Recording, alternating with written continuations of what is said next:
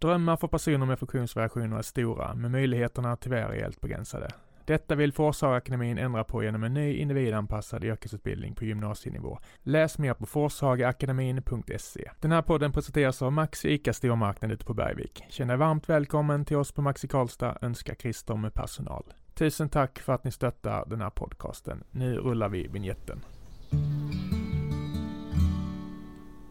På självaste midsommar är det åter dags för det traditionella folklustspelet Värmlänningarna på Ransäters hembygdsgård. Och i rollen som Mansell Lotta ser vi Ida On. Hon sitter just nu framför mig i poddstudion. Välkommen hit Ida! Ja men tack så hemskt mycket! Hur mår du? Ja men jag mår jättebra, verkligen! Två I... dagar innan premiär och du tar dig tid. Ja men jag är så imponerad. Det är som att ju färre dagar som man har för att repetera desto mer förberedda är alla. Så att jag tycker att det, det har flutit på så imponerande bra. När, bör, när, när börjar processen?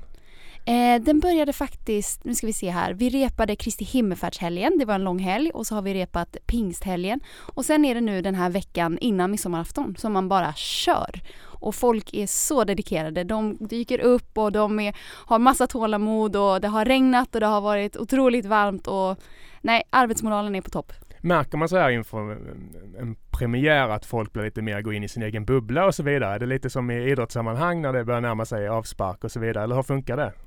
Oj, vilken bra fråga. Det tycker jag absolut eh, stämmer när jag varit i andra produktioner som har varit mer, vad ska man säga, helt professionella. Mm. Men här är det ju så himla mycket fokus också på att folk bara ska ha det trevligt. Folk gör ju det här delvis också på sin fritid och ger så mycket av sig själva så att det är väldigt viktigt att eh, det inte blir en eh, en tryckt stämning utan fokus ligger verkligen på att alla ska må bra och att det ska vara kul. Mm. Folk är lite, ganska avslappnade här naturligt också. Det kanske hjälper till uppe i Värmland. Ja, ja absolut. Men jag såg en, en bekant till mig, Mattias Frykholm, konstnären. Det var så jag såg att du var på väg hit. Han målade av dig. Ja precis. Hur känner du Mattias? Hur gick det till? Nej men det är så himla roligt. Mattias eh, skrev faktiskt till mig på Instagram Mm. och sa att han, eh, han är ju en fantastisk konstnär. Han är lite för snygg och begåvad för man ska tycka om honom helt. Eller jag i alla fall. Men ah, okej okej. Han, typ. är, han är otrolig han. Ja. Men han kontaktade dig och... ja men han kontaktade mig och så, eh, så tittade jag på hans bilder och Ja. blev helt tagen. Alltså han är så skicklig. Och sen så blev det att vi träffades på Hammarö och tog en del bilder Mm. tillsammans med en jätteduktig fotograf, Helena. Mm. Eh, och sen så har han eh, gjort det han gör så himla bra. Han gör väldigt realistiska bilder i väldigt stort format. Ja, han är Och, Är det fotokonst det heter tror jag? Ja, Eller? okej. Ja, jag tror det. Ja, Ja. De låter kan rekommendera för de sitter väl uppe än va? Ute på Hammarö Art Gallery tror jag. ja precis. Jag vågar inte lova för mycket men, men kolla gärna upp det. Han är otrolig. Eh, så här. Eh, vi ska alldeles strax prata mer om både föreställningar, teater och eh, populära barnprogram. Vi brukar börja varje, varje avsnitt med en liten frågestund för att lära känna våra gäster. Det är blandad kompott, både allvar och eh, lite mindre seriösa frågor. Är du beredd? Yes. Fullständigt namn. Ida Fu Mei On. Otroligt snyggt namn.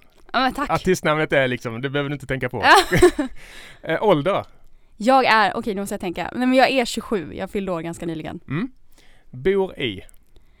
Det är en svårare fråga. Eh, jag är ju frilansare så att man bor ju på väldigt många olika ställen samtidigt. Ja. Men just nu kan man säga att jag har en bas i Malmö. Jag är från Malmö, född och eh, kanske inte så mycket uppvuxen där men jag är född där. Mm. Eh, och sen så har jag min käresta som är från utanför Säffle. Jaha. Eh, så att eh, jag är mycket i Värmland, jag är mycket i Malmö och sen så är jag i resten av Sverige Ja, ja. resten av tiden. Ja men jag tyckte väl den så trevlig ut. Säffle är bra. Han ska Mm. du hålla hårt i. Ja. Men, men, men du har ingen dialekt. Jag klagade lite på det innan. Att jag trodde jag förväntade mig lite skånsk brytning men jag hör ingenting. Du, du hade flyttat tidigt sa du. Ja men precis, Nej, men när jag var väldigt väldigt liten, jag tror knappt jag hade fyllt, fyllt ett så flyttade vi till Umeå, eller Mm. Ume. Eh, och så bodde jag där med familjen för att mina föräldrar pluggade Mm. eh, i de första åren av mitt liv. Och då blev jag västerbottnisk. Och Ja. sen så kom vi tillbaka till Skåne och då var det redan kört. Jag fick aldrig till de här. Nej, nej, nej, det ska du vara glad för. För det är, inga, det, skap, det är inte jättemånga fördelar.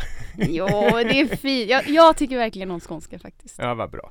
Men du, Malmö är din bas så att säga. Men vad, vad tycker du är det bästa med Malmö? För där spelas ju även Sommarlov in och så vidare. Vi kommer lite till det. Mm, men Malmö, det bästa med Malmö har jag kommit fram till är den här närheten till allt. Mm. Att det är en cykelstad, att man alltid, oavsett var man bor, så kan man cykla ner till vattnet och ta ett dopp och det känns så tillgängligt och Jag vet inte, det, det, det finns ett stort utbud men allt är ändå väldigt nära. Det uppskattar jag verkligen med Malmö. Mm. En sån fråga här, vad önskar du att du vore bättre på? Oj. Nej men jag, det är ju väldigt pinsamt att erkänna, men jag prokrastinerar väldigt mycket. Det är nog absolut en av mina största laster. Du menar Så- att du går och grubblar eller vad menar du? Nej, att jag äh, tänker, men det där kan jag göra imorgon. Jaha, du skjuter upp saker? Okej. Precis. Det var ett fint ord, så tidigt på morgonen. Ja, exakt. Nej men det är kanske mitt sätt att försköna mitt beteende, att säga att jag prokrastinerar. Det låter som en eh, ganska dålig egenskap när du är skådis, eller? Eh, Eller ja. du menar inte med jobbet så mycket kanske? Nej, jag vet inte. Nej, men jag tror att det är därför det är bra att jag jobbar med det här, för att då, då blir man ju tvungen att bara ta tag i saker. Så att, eh, Tajta deadlines mm, exakt. När du vill imponera på någon i köket, vad lagar du då? Åh, ja, det är spännande med, med matlagning för min del, för jag har så mycket matallergier. Mm, jag läste om det faktiskt. Ja, så att jag tål inte ägg och mjölk och nötter och banan och massa olika saker. Nej. Men det som jag upptäckt är att det finns extremt bra veganska recept på olika kakor och tårtor och sådär. Mm. Så det har blivit lite min grej att eh, ta sådana här veganska bakrecept och göra Mm. det. Och så kan man överraska folk och bara haha, det är utan ägg och mjölk. Mm. Ja, men jag det- läste en det intervju att det kunde bli att du har blivit väldigt dålig. Alltså det måste vara en väldig fallgrop så när man är ute på vägarna eller i främmande städer och så vidare. Det är ofta du får, du får vakta dig. Ja, jag får vara på hugget hela tiden. Ja. Så är det. Ja. Mm. Lyssnar helst på. Jag lyssnar ju så mycket på morgonpasset i P3. Mm. Det, jag kan lyssna flera timmar per dag. Ja, de är väldigt roliga. Mm. David, Linnea, Och Margret. ja, skönt gäng. Verkligen. Men du, du gillar att lyssna på roliga saker eller? Nej. Ja, precis. Och jag tycker att det är så härligt. eh, För ibland så går man där i sin lunk och så är det så skönt att känna att man har sällskap. För jag är uppvuxen i en jättestor familj. Jag har sex syskon. Mm. Så jag är så van vid att det alltid är buller runt omkring mig. Så jag tror att det var när jag flyttade hemifrån och, och bara plötsligt var mer eller mindre ensam i en lägenhet och kände att nej men det här går ju inte. Och då har det varit så skönt att kunna sätta på morgonpasset och bara känna att men det här är min substitutfamilj som Mm. bara hänger med mig. Och ibland zonar man ut, ibland lyssnar man på dem. Ibland är det bara flams och ibland så är det jätterelevanta nyheter. Så Du att, måste, eh, du måste finna lugnet i Säffle tror jag. Det är en bra tips. ah, Okej, ja, men jag ska jobba lite på att ta in lugnet. Lämna absolut. Köpenhamn och sånt där och så åker du hem till Säffle ett tag och vidare. Uh, när är du som lyckligast? Du verkar vara en väldigt sprudlande person både så här och, och när man ser dig på TV och så vidare. Ja men jag har, eh, jag känner att jag har mycket energi men jag känner också att jag absolut kan eh, jag kan vila. Jag kan hitta den där lugnet i Säffle som du pratar om också. Eh, men när jag är som lyckligast det är nog faktiskt när jag um, socialdansar. Jag dansar jättemycket lindy hop och salsa och bachata. Mm. Den sortens stilar. Och det är faktiskt hittat en, eh, en partner som också tycker om att dansa så att det är extra plus helt klart. Ja. Och det tycker jag är härligt. När man bara man blir så otroligt närvarande när man dansar på det viset. Man kan det, inte tänka på annat eller vad är det som är hemligheten?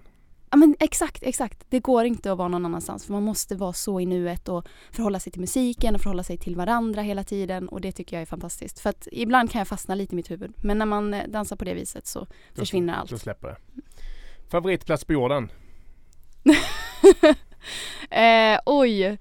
Jag, det här är faktiskt också lite roligt för att jag kommer ihåg när jag var liten och man blev ombedd att så här, tänka på sitt happy place.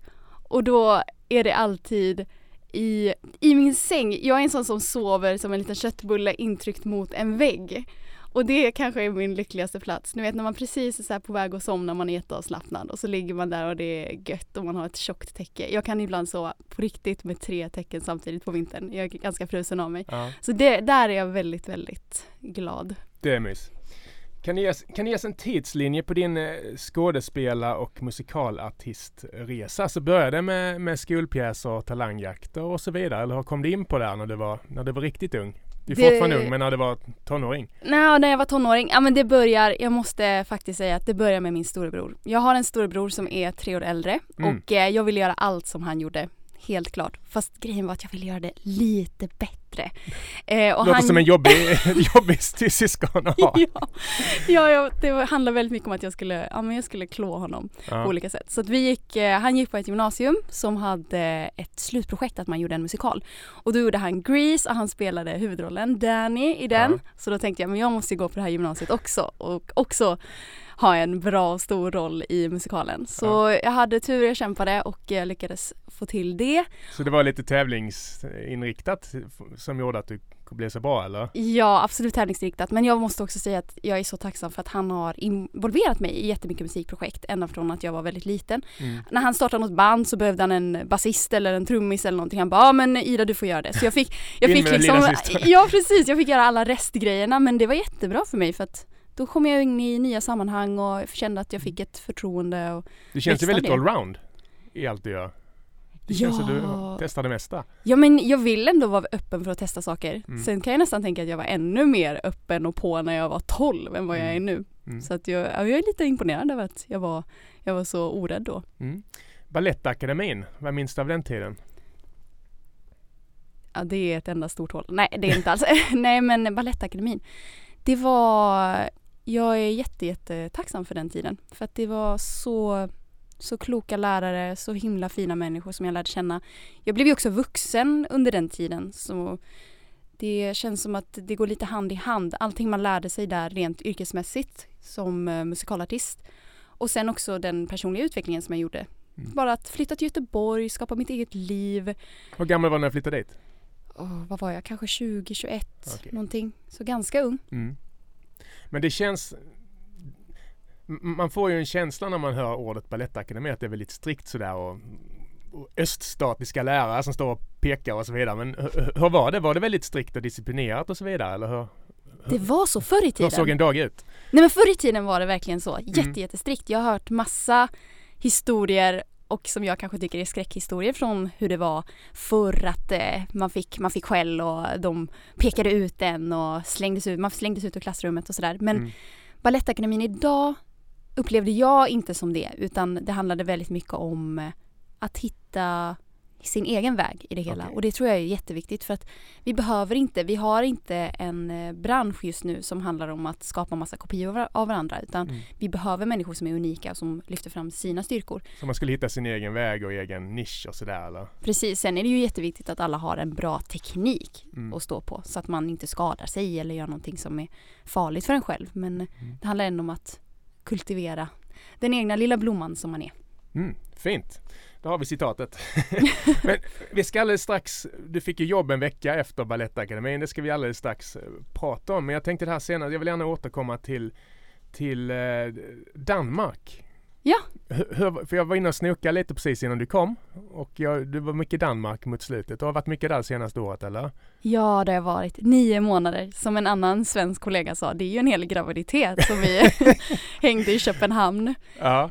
Men först gjorde jag West Side Story Just som det. är en produktion som jag skulle ha gjort för några år sedan faktiskt. Mm. Men som blev framflyttad hela tiden på grund av pandemin. Mm.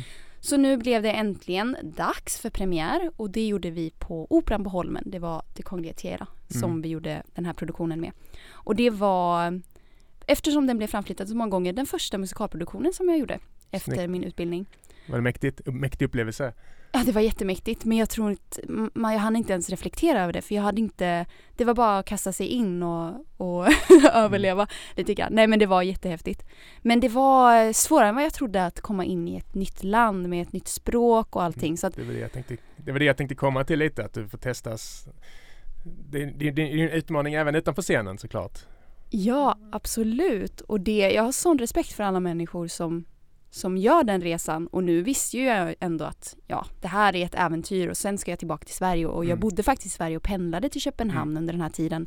Men de människorna som verkligen gör en lång resa och tar sig an en ny kultur och ett nytt språk, alltså, applåd till er för att det är fasen inte lätt. Men sen, sen lossnade det för min del. Det gick någon månad eller några veckor och så började danskan komma mer och mer och mm. man kunde, jag tycker att en stor, en stor hållpunkt för när man känner att man erövrat ett språk, det är när man kan skämta med Snyggt. andra på ett ja. nytt språk. När man förstår skämten och man kan komma förstår. med en bra comeback. Exakt. Ja. Värmländskan då, hur är den? Är den lätt, lättare att förstå eller? Eh, det har också varit en process, Ja. men jag känner att jag lär mig extremt mycket mer nu när jag är med i Värmlänningarna. Mm. Där är det ju fantastiska dialekter och varianter av värmländska. Låt oss komma till det. 70 uppsättningen, men du är helt ny, Ja, eller hur? Hur gick det till om du fick förfrågan? Det, det var faktiskt för att min, eh, min eh, käresta Johan Hebbe, Mm. han var med i det här för många år sedan, tio år sedan, eh, tillsammans med en av sina vänner. Och eh, har pratat så himla gott om värmlänningarna i alla år. Och har varit lite såhär, ah, men man kanske borde vara med igen. Är han eller- också skådis? Ja, han är, ja men det kan man säga. Han, eh, han är ljusdesigner i första hand Okej. och ljustekniker. Men har också en, en bakgrund av att stå på scen. Ja, ja. Så då bestämde sig han och hans vän Simon för att eh, vara med i år i Värmlänningarna. Och Mhm. jag, jag hade plötsligt en lucka i mitt schema som passade helt perfekt. Alltså det var för bra för att vara sant. Så att jag hörde av mig till Olof Wretling som jag Ja. jobbat med på SVT tidigare och frågade hej, får jag snälla snälla vara med? och så sa han ja absolut. Så att det var perfekt. Vi kommer, vi kommer till Olof, men just 70, 70 upplagan eller uppsättningen om man ska säga, så märker man av historiens vingslag lite när man kommer upp dit och ska börja spela in det här. Ja, Det har ju blivit en så riktig tradition här uppe. ja, wow. Nej det är så imponerande och att se, jag har aldrig varit med om det innan, att man kommer till en produktion på det här viset och så är det plötsligt tre eller nästan fyra generationer som är med på scen. Mm. Det, man får gåshud och att folk har varit med i 40 år eller Ja, mer. precis. Det var det jag skulle komma till. Det är många som är med om, år, år, år efter år liksom. Ja. Häftigt. Men din rollkaraktär, rollkaraktär Mamsell Lotta, berätta om henne.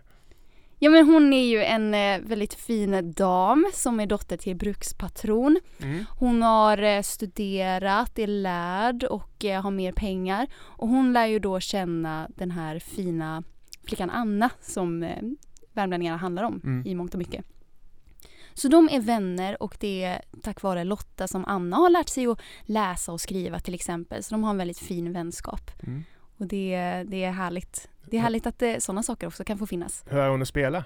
Nej men jag tycker det är mysigt. Det är väldigt mysigt att Ja. vara med i det här sammanhanget och få spela utomhus framförallt. För det har inte jag gjort så otroligt mycket. Nej. Och det är väldigt annorlunda. Man Mm. får röra sig på ett annat sätt och ta in dagsljuset på ett annat sätt och vädret och allting.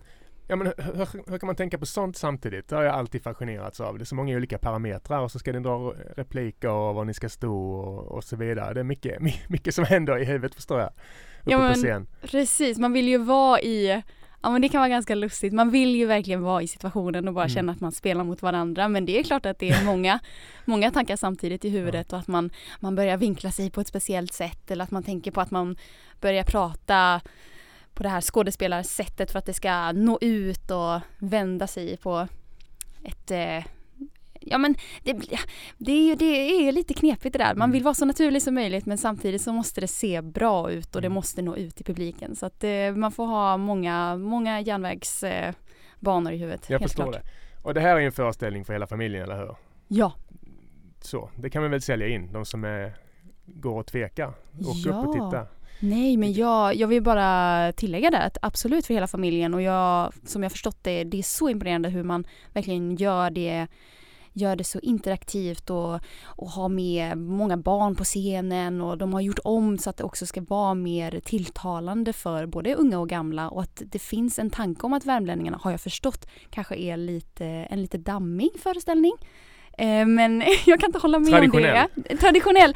Men jag tycker nog att eh, de uppdateringarna som har gjorts verkligen, verkligen håller Mm. superbra. Så att, eh, har ni, även om ni har sett Värmlänningarna förut så tycker jag att det är värt att se den igen. Ny touch. Och vi måste även prata om, om eh, sommarlov. När jag nämnde att det kom, min son han bara hoppade upp och ner. Eh, med, om, om min research stämmer så var det var en vecka efter studenten typ som du fick ett erbjudande. Jag vet att du har pratat om det här i, i andra intervjuer men kan du inte berätta hur du, hur du fick rollen? För det var lite av en slump förstår jag. Ja. Det var inte så att du stod och knackade på dörren. Släpp in mig, eller hur? Nej, nej men det hade jag nästan kunnat göra. Det är ju, det är ju världens finaste jobb. Alla säger det men det är för att det är sant. Och eh, det var lite oväntat. Jag fick ett samtal från eh, någon som hade lämnat ett röstmeddelande och sa hej hej jag jobbar på SVT, skulle du gärna, vi vill gärna komma i kontakt med dig. Och då eh, ringde jag tillbaka och fick uppgifter om att jag skulle skicka in lite olika videos och self-tapes och information om mig själv. Eh, men det var inte riktigt tydligt till vad eller varför. Det var bara att det var SVT Barn och det var i Malmö. Mm. Så då gjorde jag alla de här olika uppgifterna och sen så blev jag kallad till ett fysiskt möte i Malmö. Och jag kom dit, jag visste fortfarande inte vad det handlade om. Träffade två personer som jag inte visste riktigt vilka de var heller. Nej. Och så fick jag göra ett, eh, ett prov där på plats där de filmade olika saker och intervjuade mig och jag fick testa att göra ett pyssel och de filmade och jag fick göra en hinderbana och det var väldigt blandat. Mm. Och sen eh, gick det en tid och jag kände kanske inte att jag hade gjort en superinsats. Eh, men sen ringde de och frågade om jag ville vara programledare i Sommarlov och det hade inte ens varit på tapeten. Jag förstod inte att det var sommarlov det handlade om Nej, alls. nej, nej. Vad trodde du det var för uppgift? Nej, men de, hade, de hade sagt att de alltid tittar efter nya talanger och då tänkte jag att ja, men de kanske vill ha någon databas med statister eller någonting. Det var inte inget programledarjobb som jag trodde var på Mm. tapeten. Ja, du tvekar aldrig såklart. Nej, nej, det var bara Jag, jag har ju varit tack. heter det Beiers Park om jag minns rätt. Jag ju varit där under inspelning och det är ju som en rockkonsert där på kullen. Alltså hur, hur- hur känns det för er? Alla dessa barn som står med tindrande ögon och, och tittar på er. Det finns inget bättre ord än rockkonsert. Nej. Det är helt makalöst. Man fattar inte det trycket och jag tror att jag har behövt lite tid att smälta det här för att förra året var mitt första år med publik. Det här blir Okej. ju, den här sommaren blir min fjärde sommar. Det var pandemisommaren ja, 2020 Precis. där. Så jag hade pandemisomrar 2020 och 2021 och sen förra året så kom publiken. Okej. Och ehm, man måste på något sätt nästan stänga av lite hjärnan. Man hinner inte riktigt ta in alla de här intrycken. Så att det, det var bara att köra på. Men nu, nu inser jag hur enormt stort det är. Att alla de här människorna kommer dit och att Mm. de har en sån relation till programmet och till Sommarskuggan och till, till hela den här miljön. Nej, det är, det är otroligt. Förra gången jag var där med min då sexåring eller sjuåring då så var han jättegrinig för vi skulle därifrån men då kom sommarskuggan gåendes genom eh, mellan träden där och han blev helt tyst. Och sen så kramade han honom och sen så gick vi hem. Jag kommer aldrig glömma det. Det var väldigt häftigt. Jag har aldrig sett honom vända så snabbt i, eh, i humöret. så det är häftigt. Hur mycket energi får ni av, av de här inspelningarna? Ja men det är, det är Oj, det är ju inte ett så fint ord men det är ju verkligen en atombomb. Man bara Ja. kastar sig ut där och det är hundratusen procents energi och sen Sen kan jag ju säga om det är mycket vuxna som lyssnar här, sen går man hem och sover Mm. och äter chokladbollar och gör ingenting. Jag förstår det. Det, det tar ju helt- också mycket. Jag, jag har ju sett dig i, i andra intervjuer där du pratar om barnprogram och jag fastnar lite för det här att, att du, du var väldigt tydlig med att även barnprogram eh, har djup och att det är viktigt att jobba på att ta det på allvar och möta barns känslobehov och så vidare. Kan du utveckla lite vad du, vad du menar med det? Mm. Nej men precis. Jag tror att det är viktigt att, eh, att se att många barn eh, bär på alla känslor som vuxna gör. Mm. Bara att de kanske har ännu svårare för att uttrycka dem. Att de har den här känslostormen inom sig men de kanske inte riktigt vet varför eller vad det beror på, kan inte sätta ord på det, kan inte riktigt härröra var det kommer ifrån. Och då tror jag att det är viktigt att eh, genom, det här, eh, genom den här leken som vi ändå har i tv-rutan att, att man får lite en känsla för, ah det är kanske det där som hände mig. Eller jag kanske blev ledsen för att det var någon som sa någonting taskigt. Eller, eller jag, kanske, jag kanske blev arg för att det var någon som gjorde så här. Och det tror jag är viktigt att man också tar tag i de där känslorna. Att det inte bara sommarlov och barnprogram handlar om att det ska vara massa bus och, eh, och skratt och att man aldrig landar i någonting. För då, då missar man lite poängen. Mm. Vi är ju där, vi säger ju att vi är barnens sommarkompisar. Att vi är de här syskonen som tar dig i handen och leder dig fram. Och om man är ett syskon då handlar det kanske inte om att uppfostra men mer bara att vara en bra förebild och också gå lite, lite, lite framför och visa att så här, ja, men så här, så här kan det vara. Ja, ni ska inte ha allt ansvar på era, er tyngd på era axlar och så vidare. Men det är många som har det lite tufft under sommaren. Det kan kanske skönt att ha en fast punkt i, i tillvaron. Men det, det är en annan eh, diskussion som, som vi inte hinner med eh, just nu. Men, men jag tänkte på det här barnprogram. Riktigt bra barnprogram tycker jag. Som jag minns. Jag är mycket äldre än vad du är. Men det var även barnprogram som man kan lära sig något av. Och min son började plötsligt prata om medeltiden häromdagen. Är det sant? Och det, det är på grund av er, har jag förstått nu. Jag fattar inte då, men, men det är lite medeltidstema i år, eller hur? Ja, ja, det är sommarlov den stora tidsresan. Just det, så sa han.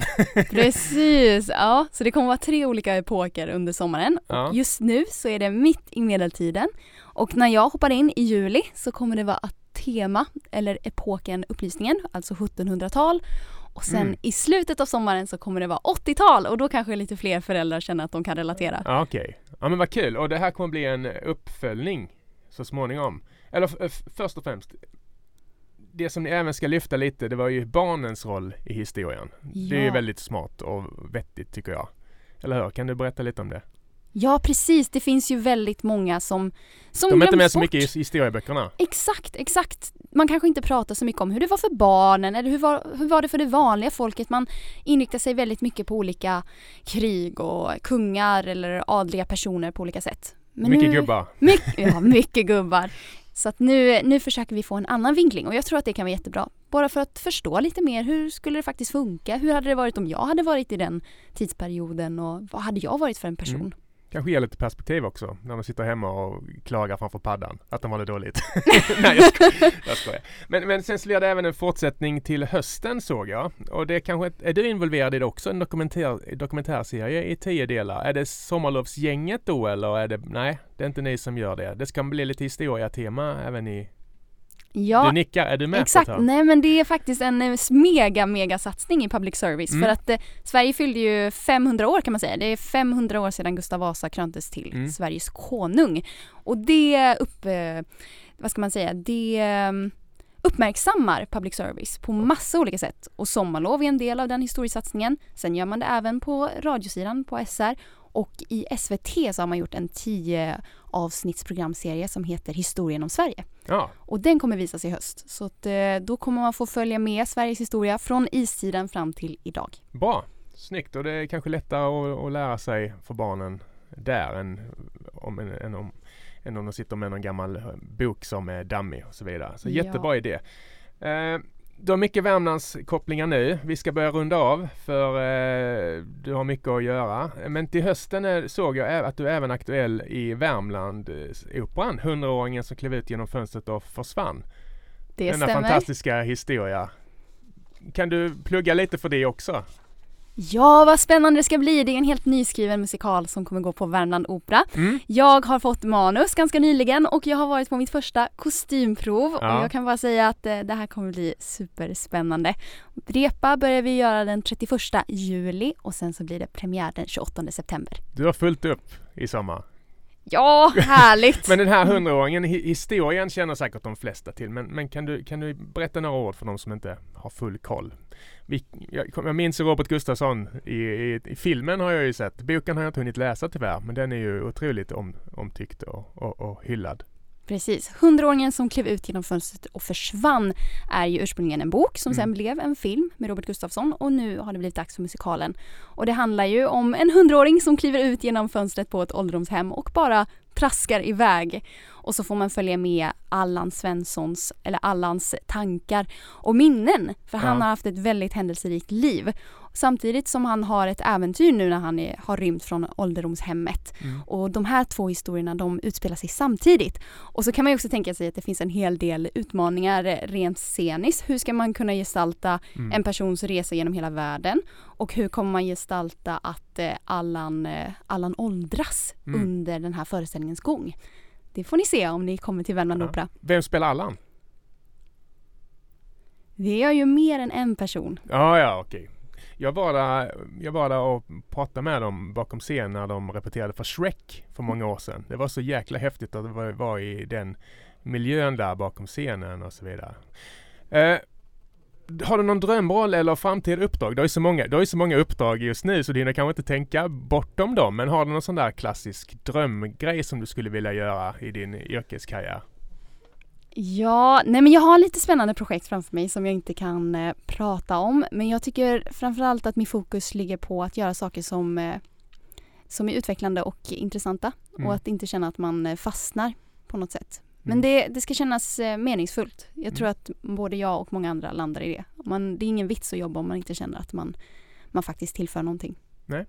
Värmlänningarna har föreställningsdatum den 23 och 24 juni samt 1 och 2 juli. Stort lycka till där Ida och stort tack för att du kom hit. Tusen tack.